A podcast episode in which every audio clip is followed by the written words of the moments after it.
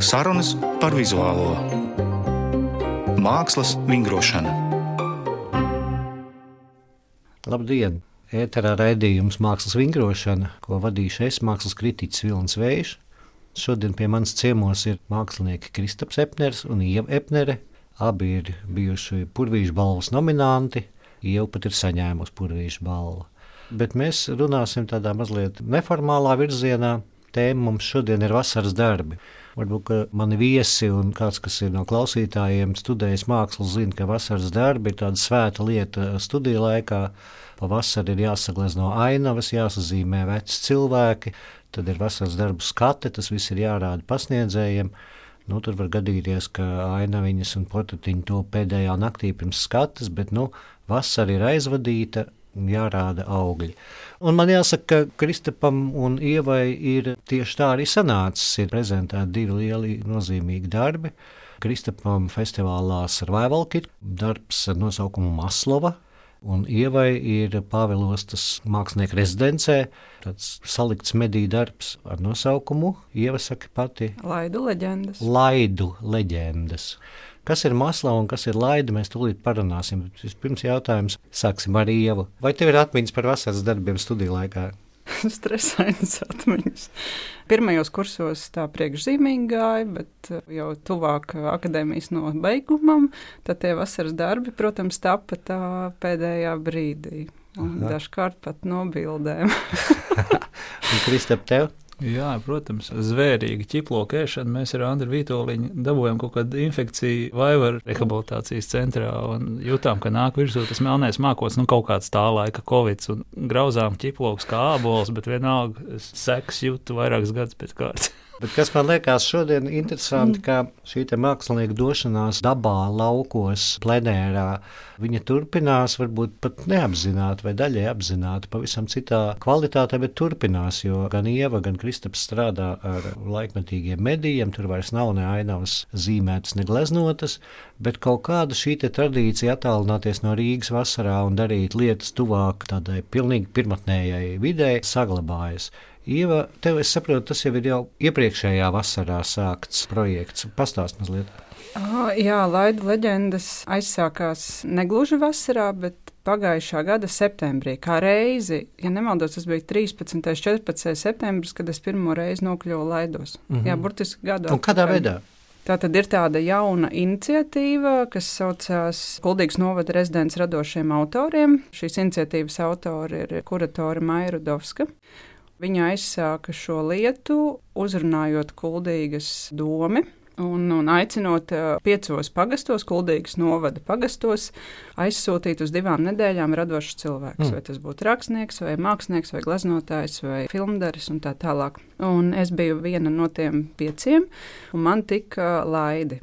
Un jāsaka, tur maijai laikam ir kaut kāda intuīcija, jušana, kas kam derēs labāk, un tas bija trāpīts desmitniekam. Tu iemīlējies tajā vietā, vai tu atradi teiktu, daudz interesantu? Jā, es jau arī izstādes atklāšanā teicu, laidi neatlaiž. Neatlaiž arī pārējos, kas procesa gaitā tika iesaistīti. Choreogrāfe Elīna Gediņa, operators Valdis Celmiņš, un kaut kā tie laidi mums ir tādi sirdī tuvi kļuvuši. Kristap, es saprotu, tu nokļuvi Maslavā arī atkārtoti, kaut kas arī neatlaiž. Kur tas īsti ir? Maslova ir um, netālu no Dāngdas, starp Dāngdu un Aglonu. -hmm. Maza, negribās teikt necila, bet grūti pamanāma vietiņa. Ja tu īsti nezini, kur jāiet, tad neatradīsi. Un es viņai uzdūros, neatceros, 16. gadā. Nejauši var teikt, veicot izpēti kādam citam darbam, un tāda es jūtu, ka jāatgriežas. Tad tā atgriešanās bija diezgan ilgstoša, jo pa vidu bija viens gads, ko mēs dzīvojam Berlīnē, un tad sākās tas Covid, un tur vairāk apstākļi, kāpēc es tur tā lēnīgi mm. riņķoju apkārt kā tāds trans ap to vietu.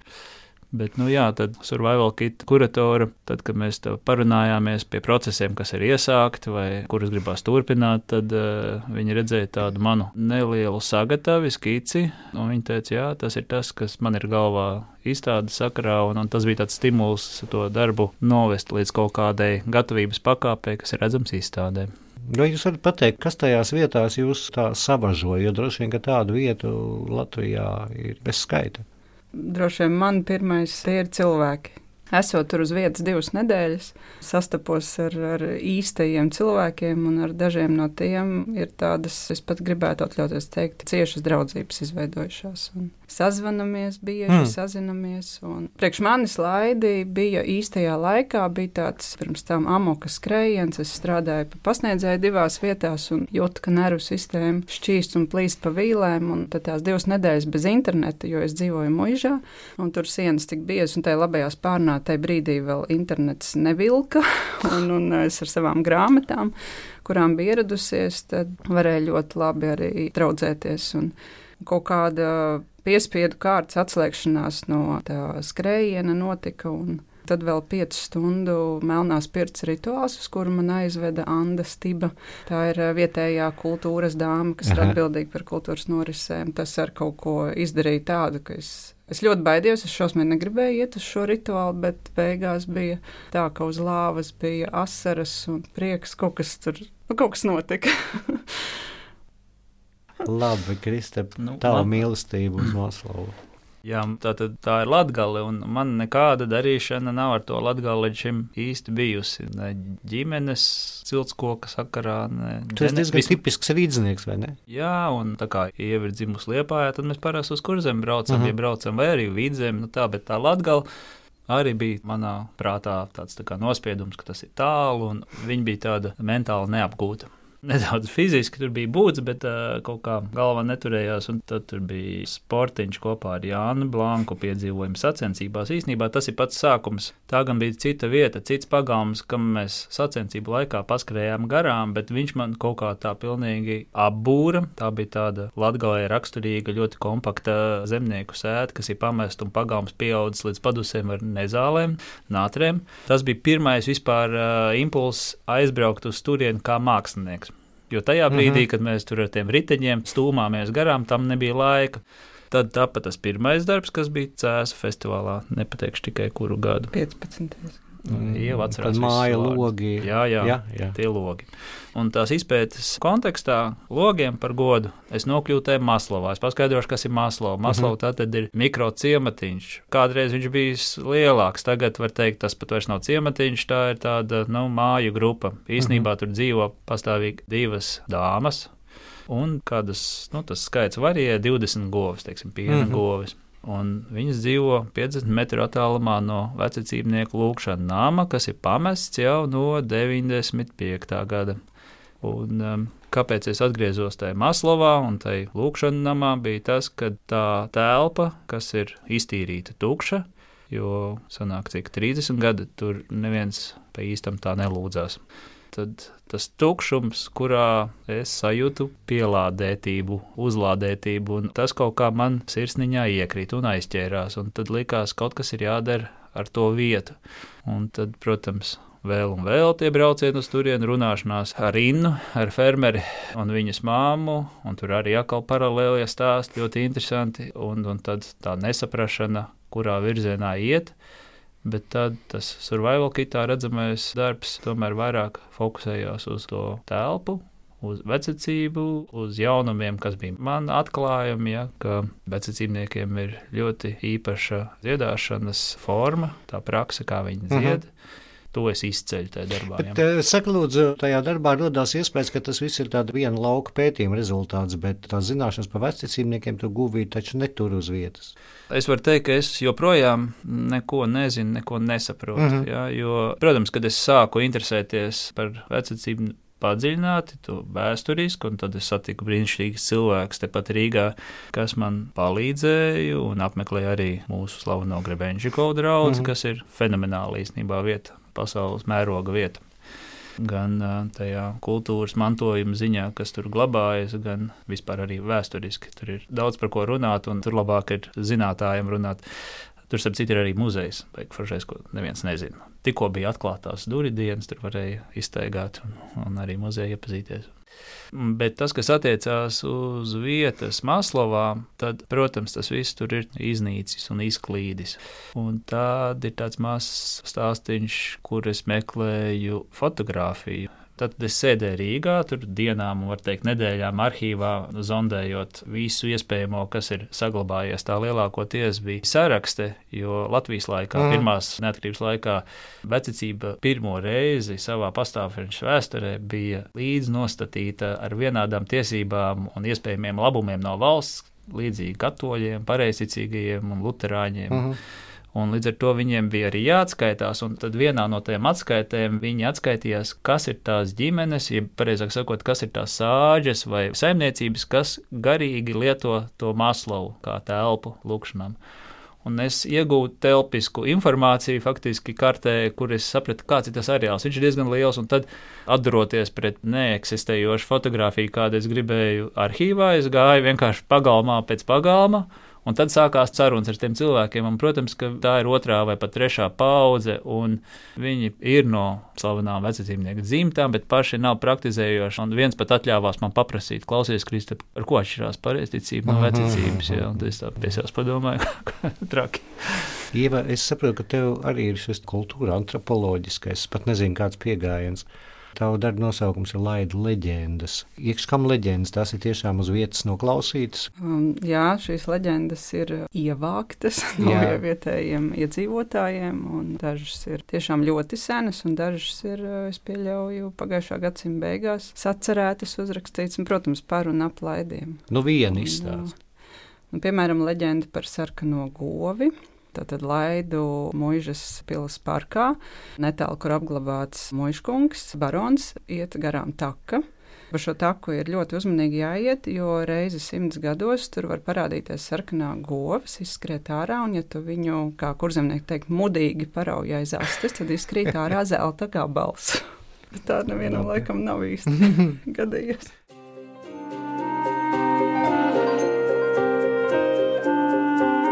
Mākslas vingrošana. Studijās mēs mākslas kritiķis Vilnis Vējš. Man viesis šodien ir Kristaps Epners un Ieva Epnere, mediju mākslinieku tandēms. Nē, jūs neesat tandēms. Nu, esam kaut kādā tandēmā strādājuši, bet tagad gadāmies vienās un tās pašās izstādēs, bet katrs taisam savu darbu. Jā, par to varbūt mazliet. Jūs tiešām strādājat līdzīgā atslēgā, katrs ar savu rokrakstu, protams. Un tagad šie divi darbi, bet katrs ir demonstratīvi, katrs savā Latvijas malā.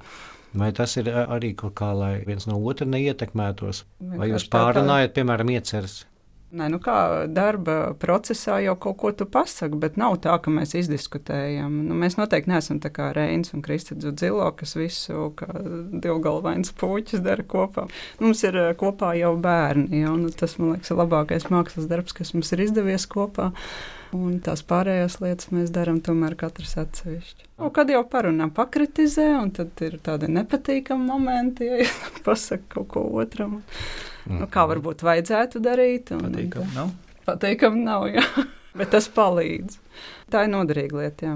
Ir uh, vērts dažreiz tās šaubas iesēt, un, lai tu patiešām pacīnies par to savu ieceri. Un, un esi pārliecināts, jā, ka tas ir. Um, Kristof, kā tu uztver kritiku pārī Man uzreiz pirmā reakcija ir tāda, ko es dzirdēju pirms 20 gadiem, kad mēs bijām tajā Slovenijā pie tā Davida Karsona. Vienmēr sakot, bija tāds dzīvē posms, kad es biju tāds aktīvāks grafiskā dizaina darbu darītājs, un, un mēs bijām aizbraukuši vienā brīnišķīgā, citu kopā ar Ievu brīnišķīgā workshopā uz Sloveniju, uz Mariboru, jo tur bija ieradies tā laika man nu, tāds elks grafiskajā dizainā Deivids Karsons no Amerikas, un viņš vadīja to nu, darb, darbnīcā meistarklasu.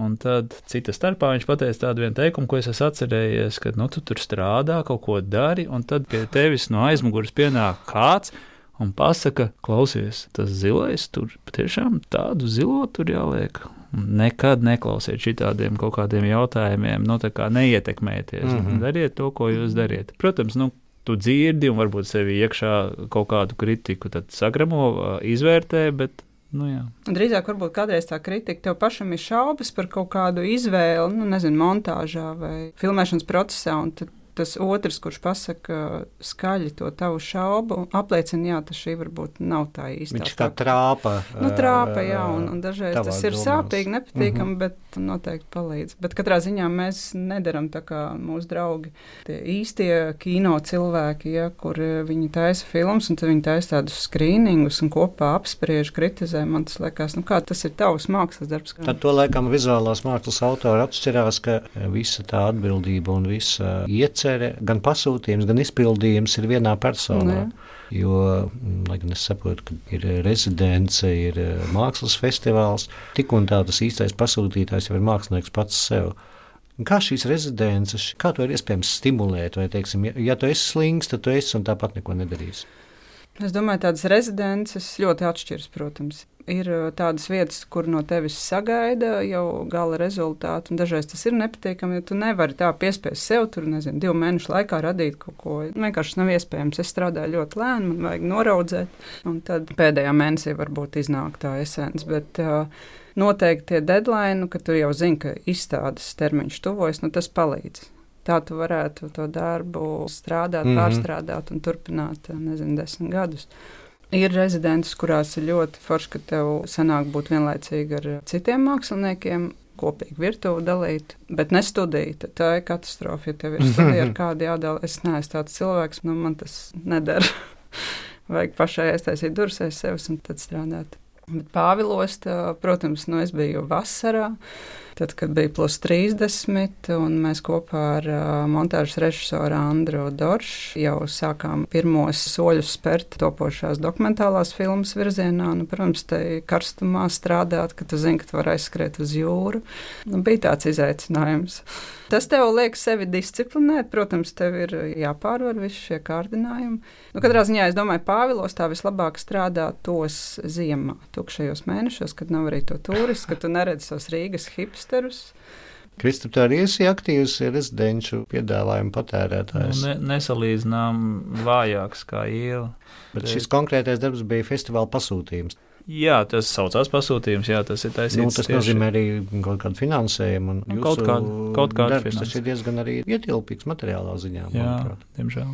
Man īstenībā šī darba sakarā tāds pārdoms bija, kad ir tāds sagarums grabināt tās finansējumu, jo tas, ko festivāls var atļauties, ir gaužām nepietiekams. Un tad tas rezultējas tajā, kad es lūdzu palīdzību, iesaistu sev apkārt cilvēks. Ir lietas, kuras es nevaru izdarīt, ir lietas, kuras es varu pats izdarīt, un mans laiks netiek vērtēts nekādā veidā, bet ir, pieņemsim, filmēšanas mm -hmm. tehnika vai profesionāla operatora roka, un tad tā mūžīgā draugu izlīdzēšanās un palīdzēšana, un tu jūties tā kā vainīgs, kad tu atņem visiem jau tomēr ir ģimenes un, un tas mhm. laiks.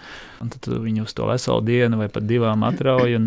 Vienkārši tās domas par to, ka vizuālie mākslinieki, kuri nodarbojas tieši ar kino, viņiem ir ļoti grūti savākt to naudu. Es arī te ar slavenībām, kas arī ir survival kitā no Antona Vidokla parunājos uh mhm. -huh. tieši par šo tēmu. Viņš teica, viņš arī sitās un raksta kaut kādiem fondiem. Katram fondam varbūt ir sava specifika, kas viņu interesē un kāda rakstura darbus viņš atbalsta. Vai tas tevi kā mākslinieku interesē, vai tev ir jāpielāgojas, tas atkal cits jautājums. Bet tā jau ir interesanti. Es šo darbu veidojot, Latvijā arī nu, gūstu mācību pats priekš sevis, jo neizbēgami sanāk kontaktēties arī ar cilvēkiem. Man viņi ir vajadzīgi, vai viņiem to es vajadzīgs? Es laikam atbildēšu, ka nē, viņiem līdz kaut kādai zināmai robežai ir interesanti.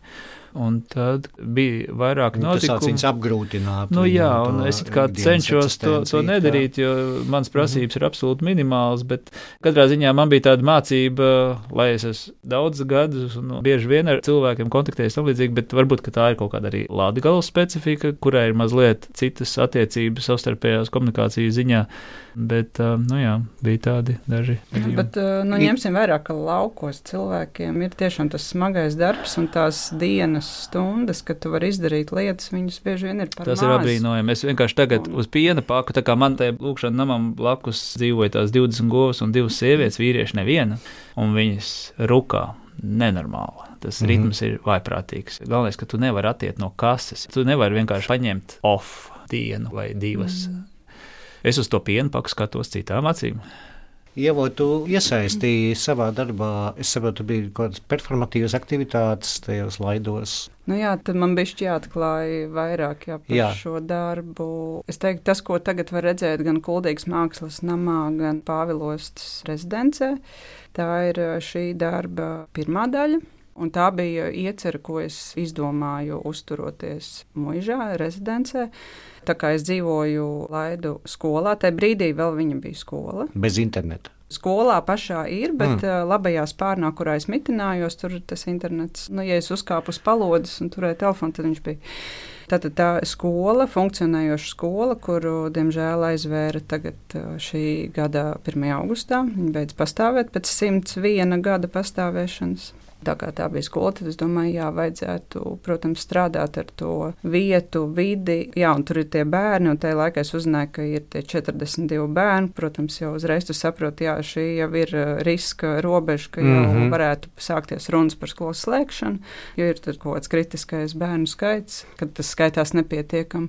Nu, jā, un tad es vēl uzzināju, ka šai skolā ir drāmas teātris pulciņš, kurā darbojas 16 bērni. Un tad, protams, arī lasot materiālus par un ap laidiem, es nonācu pie šīm leģendām, tad dzīva ideja, ka vajadzētu ar šiem teātris pulciņa bērniem iestudēt laidu leģendas.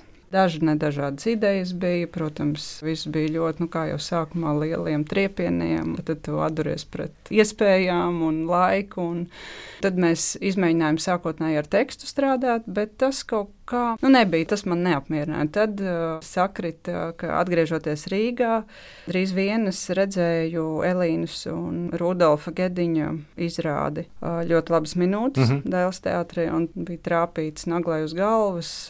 Es ļoti emocionāli uztvēru šo izrādi un atnācu mājās, nevarēju aizmigt aizrakstīju Elīnai, cik ļoti man šis darbs satrieca, jo sen nebija kaut kāds tāds pārdzīvojums mm -hmm. piedzīvots. Un, Tad jau vēlāk domājot par to, kā šī izrāde ar bērniem varētu virzīties, kurā virzienā iet. Man uzreiz bija vīzija, jā, tam jābūt tādām tīrām krāsām, ļoti askētiskai scenogrāfijai.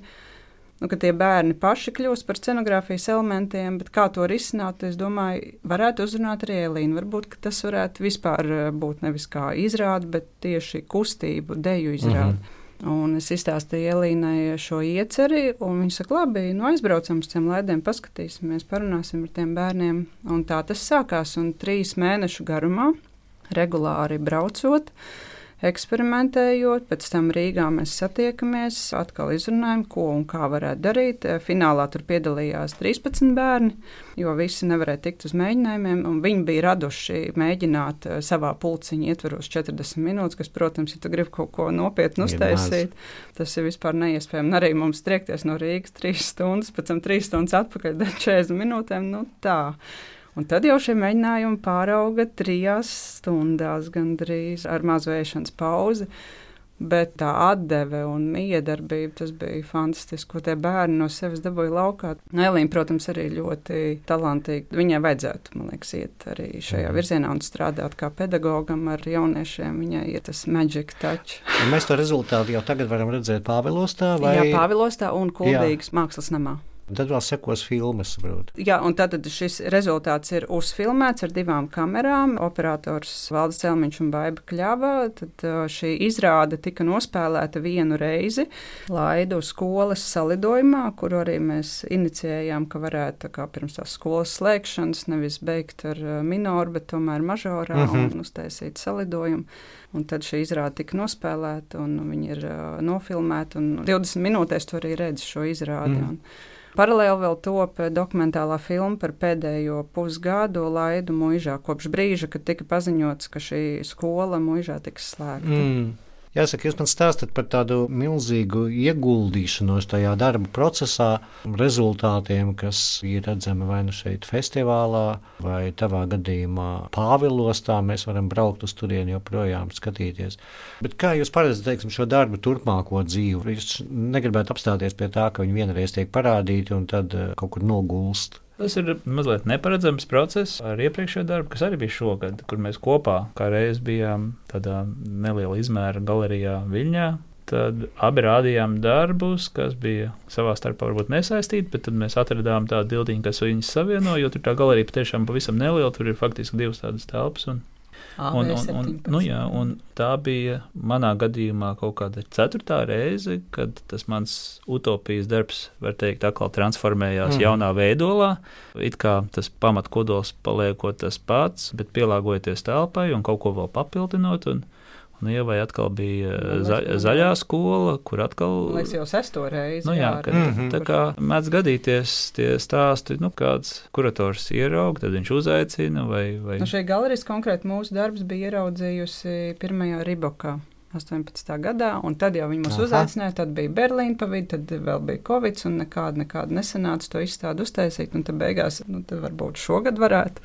Un tā pavasarī tas notika, un bija īstenībā ļoti labi. Un tad mēs esam atpakaļ pilsētā no visām šīm lauku iedarītām. Mēs pilsētā. esam urbānajā vidē, mm. kurā ir uh, skarba konkurence par izdzīvošanu. Kas ir tas, kas jūs piesaist šajos vasaras darbos, jeb tādos lauku pētījumos, izbraukumos? Es labprāt vasarā nestrādātu, bet varbūt koptu dārzu, bet kaut kā, protams, nu tādā temperatūras ziņā un iespēja ziņā vasara ir vislabākais laiks. Nav tas lietus, tev ir silti, tu vari braukt, filmēt, fotografēt. Man arī tie vecācībnieki prasīja Kristaps. Kāpēc tu vispār par tiem vecācībniekiem? Kāpēc tu par mums interesējies? Un es viņiem saku, es nevaru racionāli atbildēt, sniegt, es nevaru paskaidrot, ja tas ir kaut kas tāds tā kā zem ādas. Bet uh, tas pats process, kad tu tur nokļūsti, kad tu atraujies no metropoles Rīgas un esi uh mhm. -huh. tur tajā Maslovā, nu, manā gadījumā es tur tādā kārtējā sagatavošanās posmā, es tur blakus tam dievnamam, teltī, trīs naktis tur gulēju, un tad tur čubinos, un tad tur apkārtni apsekoju, un, un tad meklēju graudus, pieņemsim, jo man uh -huh. bija mhm. vajadzīgi graudi, un, un tad iepazīstos atkal ar graudu audzētājiem. Ja. Tad, kad tev ierauj tajā virpulī, tad Tas ir tāds gandarījums atrasties tur un ar to nodarboties. Nu, tas nu, ir pa īstam. Jā, nu, tu esi tā kā ieraudzis tajā. Nu, tas pats var notikties arī Rīgā, istabā ar gaismu un aizsadzošiem aizskatiem, mm -hmm. kad tu montē, tu arī ieej tajā savā pasaulē un tā kā atslēdzies no tā visa. Ja? Tad man īstenībā patīk pārvietoties un kustēties. Tad, kad tu fiziski kaut ko dari, ej, kaut ko atklāj, kaut kas negaidīts, nu, tad dodies pie kaut kādas tās trešās paudzes vecacībnieks, kas nekāds vairs vecacībnieks nav viņš tur ir kaut kādā tādā pilnīgā paradīzē manā priekšstādā. Tu brauc pa to ceļu ar mašīnu, un, un tu jūti, ka tas ceļš tāds stabils, bet tur nav braukts, mašīnas nav braukušas, un tu aizbrauc, un tā patiešām tu pareizi brauc, tu iebrauc iekšā, tad visapkārt kā 360 grādi ir mežs un purs, un viņš tur sēž tādā super sakoptā pagalmā, un jā, Viņš ir bijis kādreiz autobusu vai smagās mašīnas šoferis. Tagad viņam jau gadiem mašīnas nav. Saka, kā tu vispār kaut kādu skaidrs, ka nekāds autoveikals tur mhm. nepiebrauc. Viņš ar savu draugu tur dzīvo. Viņam ir tas dārsts, un viņš saka, nē, nu, kaut vai uz to pašu dārgu nokļūt, tas ir dienas pasākums. Ja viņš iet ar kājām ārā tos kilometrus pa to ceļu, un tās visas izmirušās mājiņas apkārt pa ceļam, tie kaimiņi, kur vairs nav, ja tās mājas vēl ir, cilvēki nav. Tu atklāji kaut ko negaidīt, un tas dod stimulu, tas citreiz nostrādā tā, ka tev ir atkal gribās kaut ko jaunu sākt uz tā pamata. To tu nevari iztukot, sēžot darbnīcā vai savā telpā pie monitora. Var starp citu arī googlējot. Es esmu daudz ko arī kaut kāds impulss dabūnot, atrodot, ieejot iekšā interneta dzīvēs. Bet jā, tā pārvietošanās fiziskā un jārēķinās ar milzīgu laiku ar to cilvēku runāties. Mm. Tur bez stundas netiks ārā. Nu, kā viņa ir īpaši tie laucinieki, viņiem cits ātrums, viņiem cita uzticēšanās, neusticēšanās, tas mm. līmenis. Jā, un, protams, ja tu nāc ar tādu atvērtu seju un aizrunāt, var jā, jāizrunā, jāpierādina. Ieva, līdz kuram datumam mēs vēl varam paspēt uz Pāvilostu rudenīgās noskaņās? Pāvilostā būs redzams līdz 30. oktobrim un Kuldīgā līdz 25. septembrim. Un Pāvilostā savukārt mēs taisīsim tādu kā izstādes aizslēgšanu, kā saka, finisāžu kuras laikā arī Vita Liberta, kas ir šīs rezidents sēmniece, lūdz mani parādīt dzīvo atmiņu jūru cikla filmas ar Pāvilos mm -hmm. iedzīvotājiem būs noslēguma pasākums. Nu, lūk, tad nu, mēs no vasaras esam iebraukuši rudenī. Tā kā varam vēl paspēt uz Pāvilos un festivālā Survival Kit ir līdz 16. oktobrim apskatāms Kristapa Epnera darbs. Un 24. septembrī, pulksten divos, aicināti visi uz paneļa diskusiju vai tādu kā nelielu lekciju, kur runās Naģežda Pazūkina un Andrejs Seleckis. Naģežda ir pētniece vecicībnieku lietās, un savukārt Andrejs ir komponists. Tad mm -hmm. es lūdzu viņiem pastāstīt gan par vecicību, gan par muzikalitāti vecicībniekiem. Būsim klāt. Visu labu. Šis bija raidījums Mākslas vingrošana. To vadīja es Vilnis Vējš. Man viesi bija mākslinieki Kristaps Epners un Ieva Epnere. Raidījuma producenti Ieva Zeidmane. Raidījums tapis ar valsts kultūra kapitāla fonda atbalstu.